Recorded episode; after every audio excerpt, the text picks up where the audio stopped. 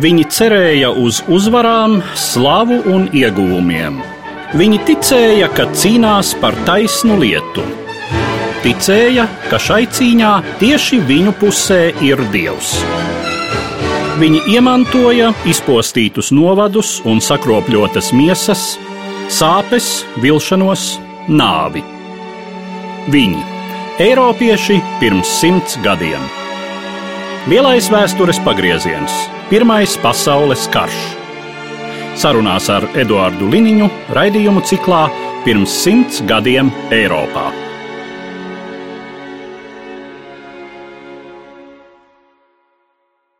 Labdien, cienījamie klausītāji! 1917. gada 6. aprīlī Amerikas Savienoto Valstu kongress pieņem lēmumu par kara pieteikumu Vācijai. Līdz ar to Amerikas Savienotās valstis iestājas Pirmajā pasaules karā. Par to mūsu šodienas saruna un mans sarunbiedrs studijā kara muzeja pētnieks Dainis Poziņš. Labdien! Labdien! Vispirms par to, kā tad Savienotās valstis sevi pozicionēja šai karā kopš tā sākuma. Sākoties karam, ASV prezidents Vudro Vilsēns eh, formāli deklarēja, ka Amerikas Savienotās valstis šajā konfliktā saglabās neutralitāti, un patiesībā tobrīd arī Amerikas sabiedrības lielākās daļas viedoklis bija tieši tāds pats, ka Amerikai ir jāietur distance no Eiropas konflikta, cik iespējams tālu, bet praksē to jau bija grūti realizēt, jo vispirms Lielbritānija bija viens no lielākajiem Amerikas tirzniecības partneriem.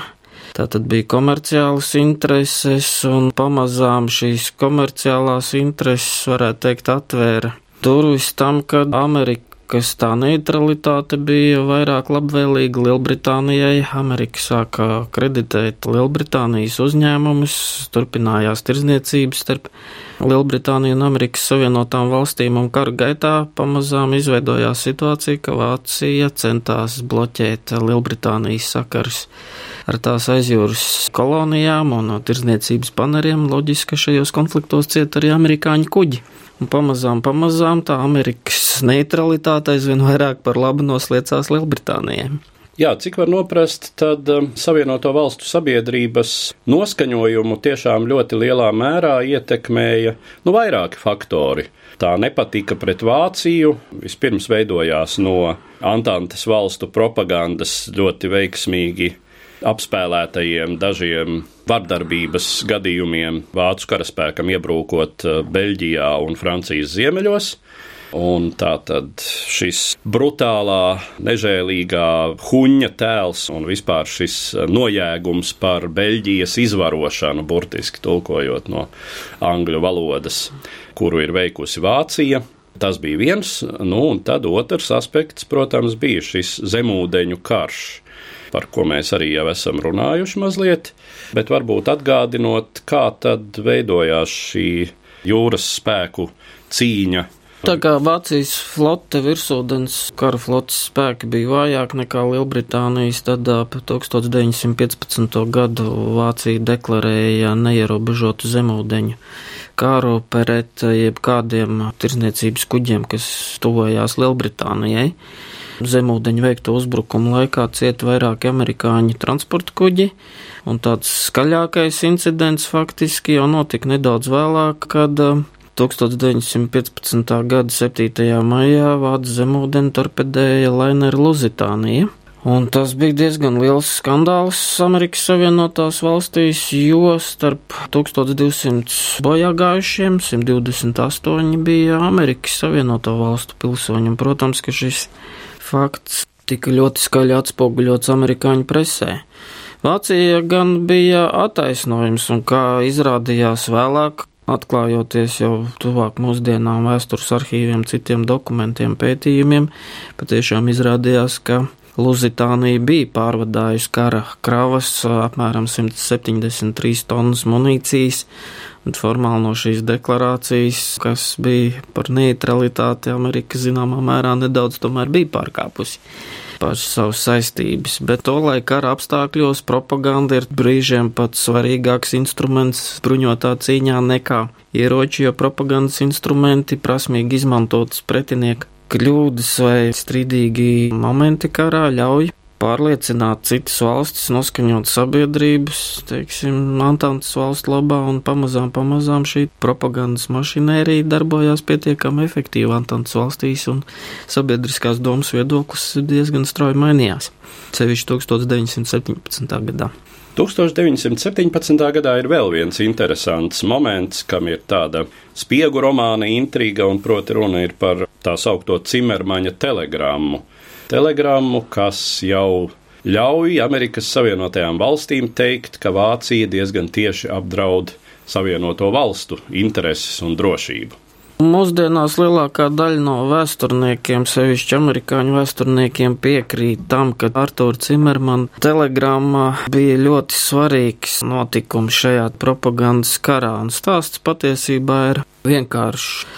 Vācijas ārlietu ministrija nosūtīja formālu telegrammu uz Meksiku un 1917. gada 16. janvārī Britu pretizlūkošanas dienas nodarbinātie kodu šifrētāji pārtvēra šo šifrēto telegrammu. Tā bija paredzēta Vācijas sūknim Henriham von Ekartam, un Briti, protams, nepaslinkoja un šīs telegrammas saturu darīja zināmu amerikāņiem, un telegrammas satura būtība ir tāda, ka Vācija piedāvāja Meksikai veidot militāru aliansi, un konflikta gadījumā Vācijai nebūtu nekāda iebilduma, ja Meksika okupētu Teksasu, Jaunmeksiku un Arizonas štatu teritorijas. Protams, kad Amerikā presa par šo telegrammu saturu uzzināja, tad ap 1917. gada marta sākuma, 1. martā tur sacēlās īsta preses vētra. Protams, ka tas gan politiskajās aprindās, gan arī sabiedriskās domas ziņā tika uztverts kā pietiekams iemesls, tā teikt, kazus belī situācijai un uzsākt procedūras kara pieteikšanai pret Vāciju.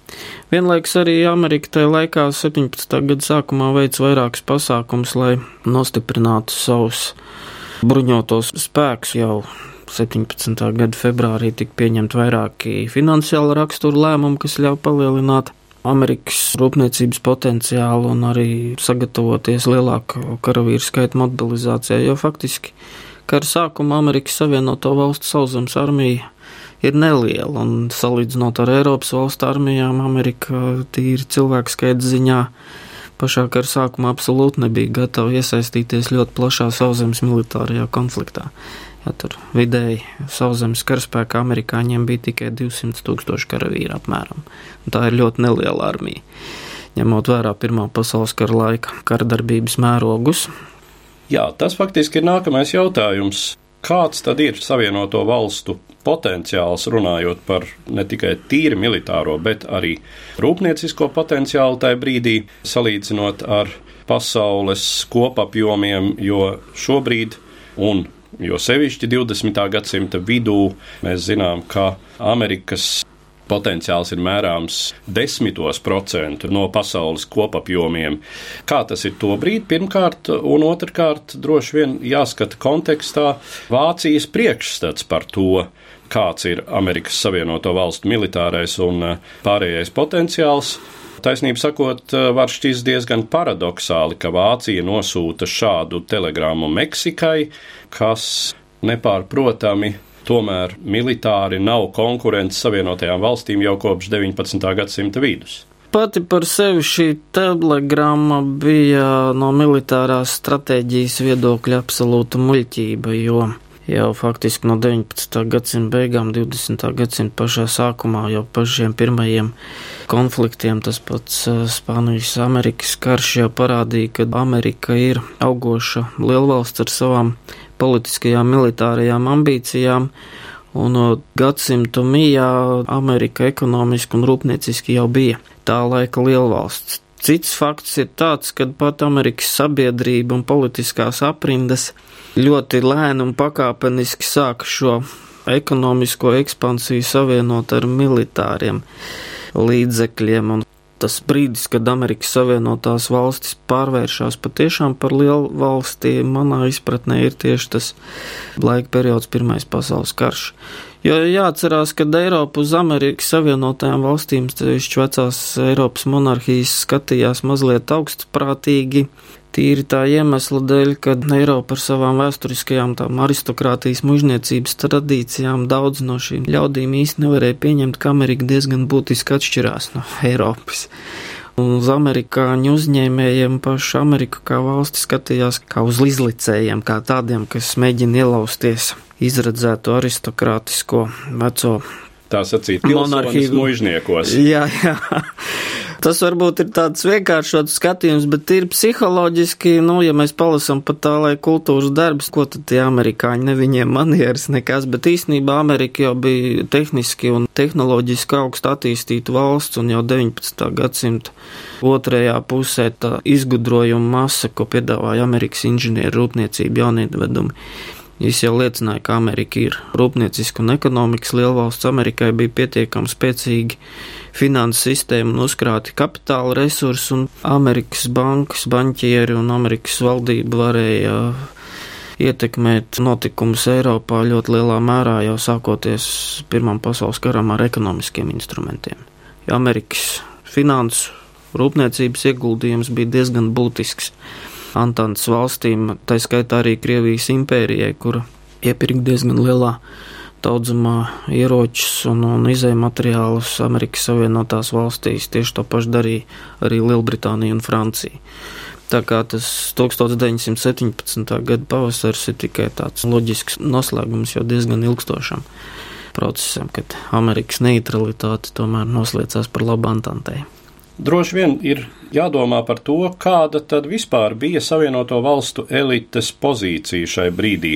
Vai lēmumu pieņēmēji Amerikā saskatīja, teiksim, savu potenciālu, vai viņiem bija azarts zināmā mērā izmēģināt savus muskuļus šai globālajā konfliktā. Daļai, jā, protams, šādi elementi vienmēr, kad sāk darboties kara propaganda un tiek uzkurināts skaislības arī elites aprindās dažiem, var rasties vilinājums izmēģināt muskuļus reālā kara darbībā, bet um, patiesībā tie emocionālie momenti nav tik svarīgi, kā tas varētu šķist pirmajā brīdī. Reāli tur ir racionāls aprēķins, jo nav noslēpums, ka 1917. gada februārī Krievijas impērijā notiek revolūcija un tiek gāsts cārs Nikolais II. Tas bija diezgan būtisks satraucošs elements Antantes koalīcijas perspektīvām uzvarēt karu. Un uh, satraukums par situāciju Krievijā ir jūtams. Tie blakus apstākļi, kas saistīti ar ekonomiku, ar uzbrukumiem, kuģiem, ir gal galā tas apstākļu kopums, kas arī liek Vudro Vilsonam 2. aprīlī 1917. gadā pieprasīt atļauju pasludināt karu pret Vāciju. Tas ir tāds vairāku procesu un apstākļu kopums, kas faktiski novada Ameriku. Un būtībā amerikāņi ar šo lēmumu iesaistoties kara darbībā ir uzskatāmi savā ziņā par īstajiem uzvarētajiem Pirmā pasaules karā, jo beidzoties Pirmam pasaules karam Amerika ir tā valsts, kas no šī kara iziet spēcīgāk un ietekmīgāk pozīcija nekā viņa atradās Pirmā pasaules kara sākumā. Viņi ir tie, kas ir guvuši vislielāko, varētu teikt, ekonomisko un politisko labumu no tām jukām, kas bija Eiropā. Un arī tas aprēķins vilcinoties iesaistīties kara darbībā arī īstenībā bija racionāli apsvērumu vadīts, jo pirmkārtām nav nemaz tik viegli pārliecināt lielas valsts sabiedrību iesaistīties kādā svešā karā, kur tieši tavs valsts intereses nav apdraudētas, un otrkārt Amerikas sauszemes spēka patiešām nebija nedz eh, cilvēku resursu ziņā, nedz uzkrātā bruņojuma daudzuma ziņā gatavi liela mēroga sauszemes karam. Tāds kāds bija Pirmais pasaules karš, un novilcinot šo iesaistīšanos karā, Amerika ieguva pietiekam daudz laiku, lai mobilizēt savu industriju, izpildot Eiropas valstu militāros pasūtījumus. Amerikas kompānijas iegūta laiku būtiski kāpināt militāro ražošanu, un viņi kardarbībā iesaistījās sev optimālā brīdī, kad viņi ir tam finansiāli, ekonomiski un militāri gatavi, lai iegūtu maksimālus rezultātus. Tā kā šajā ziņā 17. gadā Amerikas elite patiesībā rīkojās diezgan racionāli un pragmatiski motīvu vadīti. Cik var noprast, tad Vācija nebija rēķinājusies ar tik strauju Amerikas iesaistīšanos konkrētajā kara darbībā Eiropā. Tas ir lielā mērā saistīts ar to, ka aristokrātijai un vācu virsniecībai un arī ekonomistiem bija grūti pieņemt faktu, ka Amerika kā jaunā industriālā valsts ir patiešām jau kļuvusi par ekonomisku lielvalsti, un ja tev ir ekonomiskie resursi, tad tev ir pietiekami liels iespējas veikt strauju militārā potenciāla kāpumu, un to neviens no Amerikas Vācijā nebija gaidījis. Jo pat par sevi Cimermanu vēstule ir nu, kā Meksika, kā Vācijas sabiedrotais, kurš varētu mainīt kara gaitu, ir patiesībā ļoti nenopietns dokuments. Jā, starp citu jautājums. Vai netiek izslēgts pieņēmums, ka šī telegrama varētu būt eh, Britu eh, izlūkdienesta viltojums? Versijas ir dažādas. Ir pētnieki, kur uzskata, ka telegrāma ir tāds viltojums, bet eh, ir citi dokumenti, kas liecina, ka zinām zondāžu par to situāciju, kas notikusi Meksikā. Kādas ir iespējas izmantot Meksiku pret Ameriku, ir arī citi dokumenti un vēstules. Tā kā kopējā kontekstā es domāju, ka amerikāņiem nebija liels pārsteigums, ka šāds dokuments ir parādījies. Un katrā ziņā 17. gadā šīs vēstules teksts bija ideāls materiāls, lai uzkurinātu sabiedrībā interesi iesaistīties karā pret Vāciju. Kādas tad galu galā bija tās militārās iespējas, kuras bija Savienotajām valstīm, un droši vien runājot par Pirmo pasaules karu, šeit ļoti svarīgi arī kāds bija Amerikas priekšstats par šī kara taktiskajiem risinājumiem, cik Amerikas armija tādā taktiskā nozīmē bija gatavi šādam karam? Amerikāņi bija teorētiski iepazinušies ar Pirmā pasaules kara pieredzi un kara mērogiem. Protams, ka Amerikas vadošie virsnieki pētīja, kas notiek Eiropā, bet viena lieta ir zināt teorētiski, un otra lieta ir sastapties praktiski ar māsu kara darbību, un tas sākums Amerikas armijai nebūtu nebija viegls. Un pirmais jau Tas ieguldījums ir tāds, ka 22. februārī tātad kongress pieņem lēmumu piešķirt 250 miljonus dolārus papildus ieroču iepirkumam, tātad pirms oficiāli tika izsludināta šī iesaistīšanās kardarbībā, jau ekonomiskie lēmumi ir pieņemti, lai apbruņot armiju. Un tad, kad amerikāņi pirmie 14 tūkstoši karavīru ierodās Eiropā 26. jūnijā tas pirmais kontingents viņa sākumā ierodoties Francijā gatavojās, piedalās militārās mācībās, kur franču sabiedrotie un arī briti dalās pieredzē un gatavo amerikāņu karavīrus tam, ko viņi ieraudzīs ierakumos. Un faktiski amerikāņi karadarbībā mēģina iesaistīties, jau sagatavojušies, bet reāli praksē, kā izrādās, tas, kas ir poligona apgūts, ar to vien nepietiek. Bet no amerikāņu armija mācījās ātri. Līdz Pirmā pasaules kara beigām Amerika uz Eiropu nosūtīja gandrīz apmēram 2 miljonus karavīru. 50 tūkstoši amerikāņu zaudēja dzīvības Eiropas kaujas laukos, nu, kara beigās amerikāņi jau bija praktiski spējīgi veikt jebkuru kaujas uzdevumu, kas bija nepieciešams. Nu, un, protams, Amerikas būtiskākais ieguldījums ir tie ekonomiskie resursi, jo gan Lielbritānija, gan Francija saņēma izēja materiālus savai militārai rūpniecībai. Amerikas uzņēmēji banķieri kreditēja Lielbritānijas, Francijas rūpniecību, un tas resursu apjoms arī ļāva nospiest Vāciju uz ceļiem. Vācija vairs vienkārši nespēja uzvarēt karu, tāpēc, ka Vācijai sāk trūkt ekonomiskie un cilvēku resursi kur ir tā konkrētā Amerikas armijas līdzdalība Eiropas kauju laukos. Viņi piedalās lielajās apņēmas operācijās, sevišķi arī 1918. gada augusta kauju notikumos. Tur Amerikas armijai ļoti būtiska loma lielajā uzbrukumā pašās kara beigās, kas faktiski parāda Vācijas ģeneralitātei, kad Vācija vairs nav gatava turpināt lielu masu karu. Tā kā amerikāņi ir pietiekami redzami kara beigās. Un arī amerikāņi tīri tehniski pilnveidojās. Amerikāņi sāk ražot tankus, savus pirmos tankus kaujas lauka apstākļos. Viņi izmēģina Pirmā pasaules kara laikā. Viņi arī saņem tehniku no Francijas un Lielbritānijas rūpnīcām, kas jau ir gūs pārbaudu, tā kā kara beigās amerikāņi neapšaubāmi ir pamanāmi kaujas laukā. Galvenā kara darbība Pirmajā pasaules karā notiek Eiropā, protams, šeit arī ir galvenā Savienoto valstu iesaistīšanās, bet vai Savienotās valstis iesaistās kaut kur citur pārējās Pirmā pasaules kara darbības vietās? Kara beigu periodā galvenais kaujas lauks ir uh, Francija, un faktiski Vācijas koloniālie veidojumi jau lielā mērā bija neutralizēta, un Amerikas ekspedīcijas korpusam galvenais kaujas lauks ir Eiropa. Otrs, tas svarīgākais faktors ir Atlantijas okeāns un cīņa ar vācu zemūdenēm. Pārējās kara darbības zonas ir sekundāras nozīmes. Nu, var vienīgais mazliet paskatīties uz Krievijas pusi. Tajā brīdī, kad Krievijā sākās jau pilsoņu karš, tad amerikāņi Atsevišķas vienības iesaistās notikumos Krievijā, bet tie tiešām relatīvi nelieli kontingenti ziemeļos un tālos austrumos, un tiem būtisks nozīmes uz to, kas notiek. Pirmā pasaules karā tik liels nav. Amerikā viss pamatā koncentrējās tiešām ir šis Eiropas kara darbības teātris, rietumu fronte un tas, kas notiek okeānos un jūrās.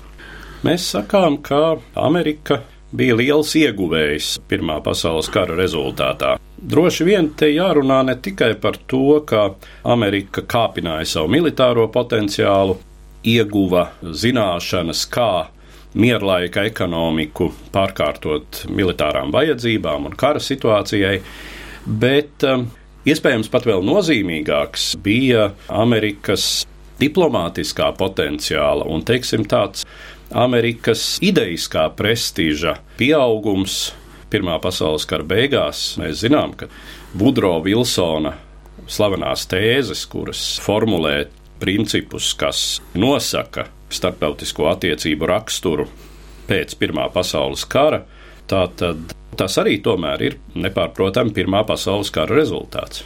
No Vudro Vilsona deklarācija un tās idejas, ko tā laika Amerikas Savienoto Valstu administrācija pauda pasaulē, patiesībā ļoti lielā mērā palīdzēja arī virzīt Baltijas valstu neatkarību un tas Amerikas ārpolitikas ideālisms īsu brīdi, kamēr neatjaunojās Amerika atkal izolacionismu tendences, spēlēja savu pozitīvo lomu vairākās situācijās mazajām Eiropas tautām valstīm atgūstot vai jā, izveidojot savus neatkarības valstis. Tas Amerikas prestižs tobrīd patiesībā bija ļoti augsts Pirmā pasaules kara beigās, gan diplomātiskajā ziņā, gan arī ekonomiskā un ietekmes ziņā. Pēc Pirmā pasaules kara visa Antante bija Amerikas parādnieki un tas, kurš tur tavu naudas maku un finanses plūsmas grib vai negrib iemanto kaut kādu cieņu un ietekmi ar ideoloģiskiem un arī ar finanses instrumentiem. Amerikai patiešām bija to brīdi ļoti augsts prestižs, un Amerika aktīvi piedalījās visās šajās te mieru sarunu procesās, un pēc Pirmā pasaules kara beigām Mudrā Vilsonam neizdevās īsti savus kongresmeņu senatorus pārliecināt un daudz no tām idejām, ko viņš kara beigās paud un pēc kara pirmajā brīdī pulējās īstenot arī palika uz papīra, jo, piemēram, Amerikas Savienotās valstis neiesaistījās Nācija līgas procesā gal galā, kaut gan tā bija tieši Vudro Vilsona administrācijas ideja.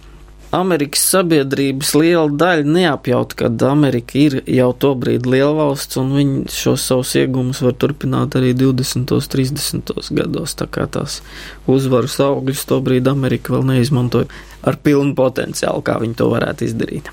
Jā, jo skatoties uz Amerikas pozicionēšanos pēc Pirmā pasaules kara, ir, kā sabiedrībā ir zināma rezignācija. Tā pasaules kara pieredze, kaut arī kvantitatīvi jau to nevar salīdzināt ar karojušajām Eiropas valstīm, bet nu, tomēr tie amerikāņi, kuri atgriežas no Eiropas kaujas laukiem un atved šo pieredzi par šo patiešām šausminošo karu, rada sabiedrībā tādu izjūtu, ka labāk tomēr turēties nost no tā visa. Tranšēja karš pozīcija, karš pat tajā periodā, kad Antants valstis guva uzvaras un tie divi miljoni amerikāņu karavīri, kas bija izbaudījuši šo pozīciju karu, maz ticams, ka kāds ar ļoti pozitīvām emocijām no ierindas sastāva. Stāstīt mājās par to, kas ir piedzīvots Eiropā, un jāņem arī vērā, ka tā ir tīri cilvēku psiholoģiski ietekme. Ja tas karš neskar katru konkrētu cilvēku personiski. Ja cilvēki nejūt tiešu apdraudējumu, ir diezgan grūti pārliecināt, kāpēc vajadzētu mūsu dēliem karot kaut kur tālu prom no mājām, kaut kādā svešā karā, kur lielai daļai par spīti tam, kad lasa avīzes. Īsti nav tā sajūta, ka tas ir mums nepieciešams. Ja mums tieši militārs briesmas nedraud, kāpēc mums būtu tajā Eiropas katlā jāmaisās? Banķieri kredītus ir aizdevuši, procentus mēs saņemam, Eiropas piesta ar mums rēķināties tirgu, kāpēc mums riskēt ar kaut ko vairāk? Jā, bet ja mēs paskatāmies uz visu 20. gadsimta procesu, Savienotajās valstīs tā trauma nav bijusi tik smaga, kāda tā, piemēram, ir Francijai. Jo tas, ko var lasīt par Franciju, ka pēc Pirmā pasaules kara kaujām, pēc tiem milzīgajiem zaudējumiem, šī nācija, ar ko arī varbūt ir izskaidrojams Francijas liktenis Otrajā pasaules karā, ir teju, teju nespējīga nopietnai kara darbībai.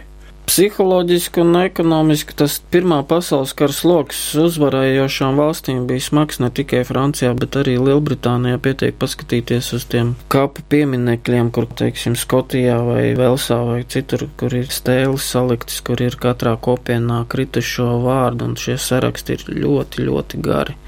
Un zinot to, nav grūti iztēloties, kāpēc 20. un 30. gados Sevišķi Lielbritānijā arī liela sabiedrības daļa bija grūti piespiest palielināt militāros izdevumus vai reaģēt asāk uz notikumiem Eiropā, jo tiešām daudz cilvēku centās novilcināt cik vien iespējams iesaistīšanos jebkādās militāri riskantos pasākumos, tieši tāpēc, ka Pirmais pasaules karš bija smags.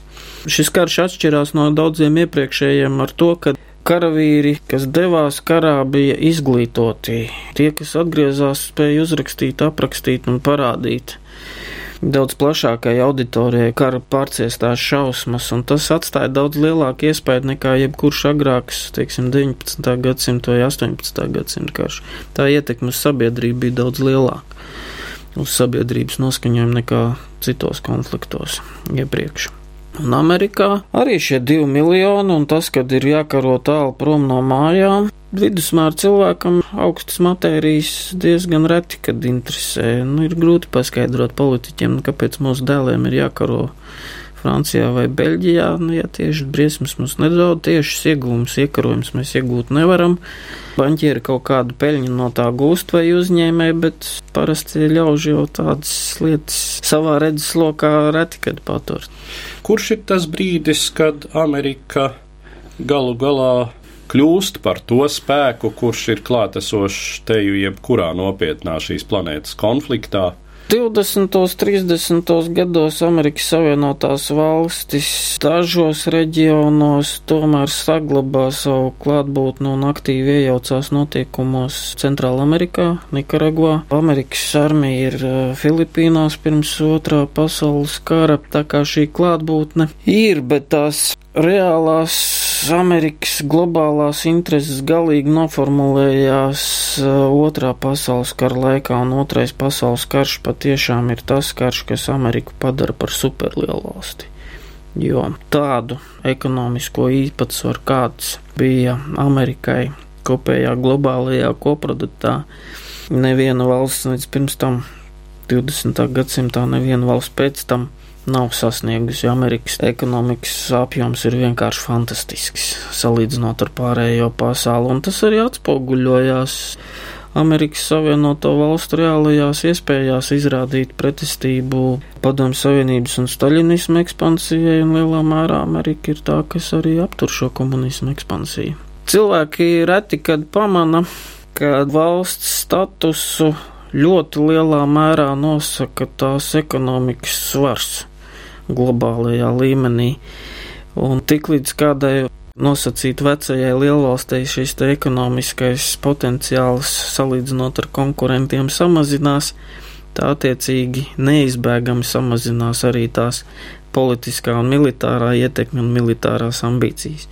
Un tieši tas notiek ar Lielbritāniju Pirmā pasaules kara laikā, jo skaidrs, ka Lielbritānija ir aizejošā superlielvalsts. Lielbritānijas potenciāls ir liels, bet spējas uzturēt to globālo ietekmi aizvien sarūk un kļūst aizvien mazāks. Un pēc otrā pasaules kara tas jau vairs nebija nevienam noslēpums, ka vecā Eiropa vairs nav spējīga uzturēt savas bijušās koloniālās impērijas un spēlēt to milzu ietekmi, kāda tam bija 19. gadsimtā vai 20. gadsimta sākumā. Šo lomu pārņem Amerika. Pilnīgi loģisks process. Dzīve nestāv uz vietas, līdzīgi process, lielvalstu spēku samērs mainās. Daudzas lietas kļūst daudz vieglāk saprast, ja ņem vērā šo ekonomikas potenciālu attiecību jums ir pietiekams potenciāls ekonomiskais un cilvēku resursi, tad attiecīgi arī aug politiskās un militārās ambīcijas. Līdzīgi procesi mazliet savādākā ietērpā ir arī vērojami mūsdienās. Tā kā nekas zem šīs saules nav jauns. Ar to mēs arī varētu noslēgt mūsu šodienas raidījumu, kas bija veltīts notikumiem pirms simts gadiem Amerikas Savienoto Valstu iesaistēji Pirmajā pasaules karā, un es saku paldies manam sarunbiedram, kara muzeja pētniekam Dainim Poziņam. Ticība un cerības, vilšanās un nāve, zaudējumi un ieguvumi. Pirms simts gadiem Eiropā. Raidījumā šīs dienas acīm sarunājamies par Pirmo pasaules karu.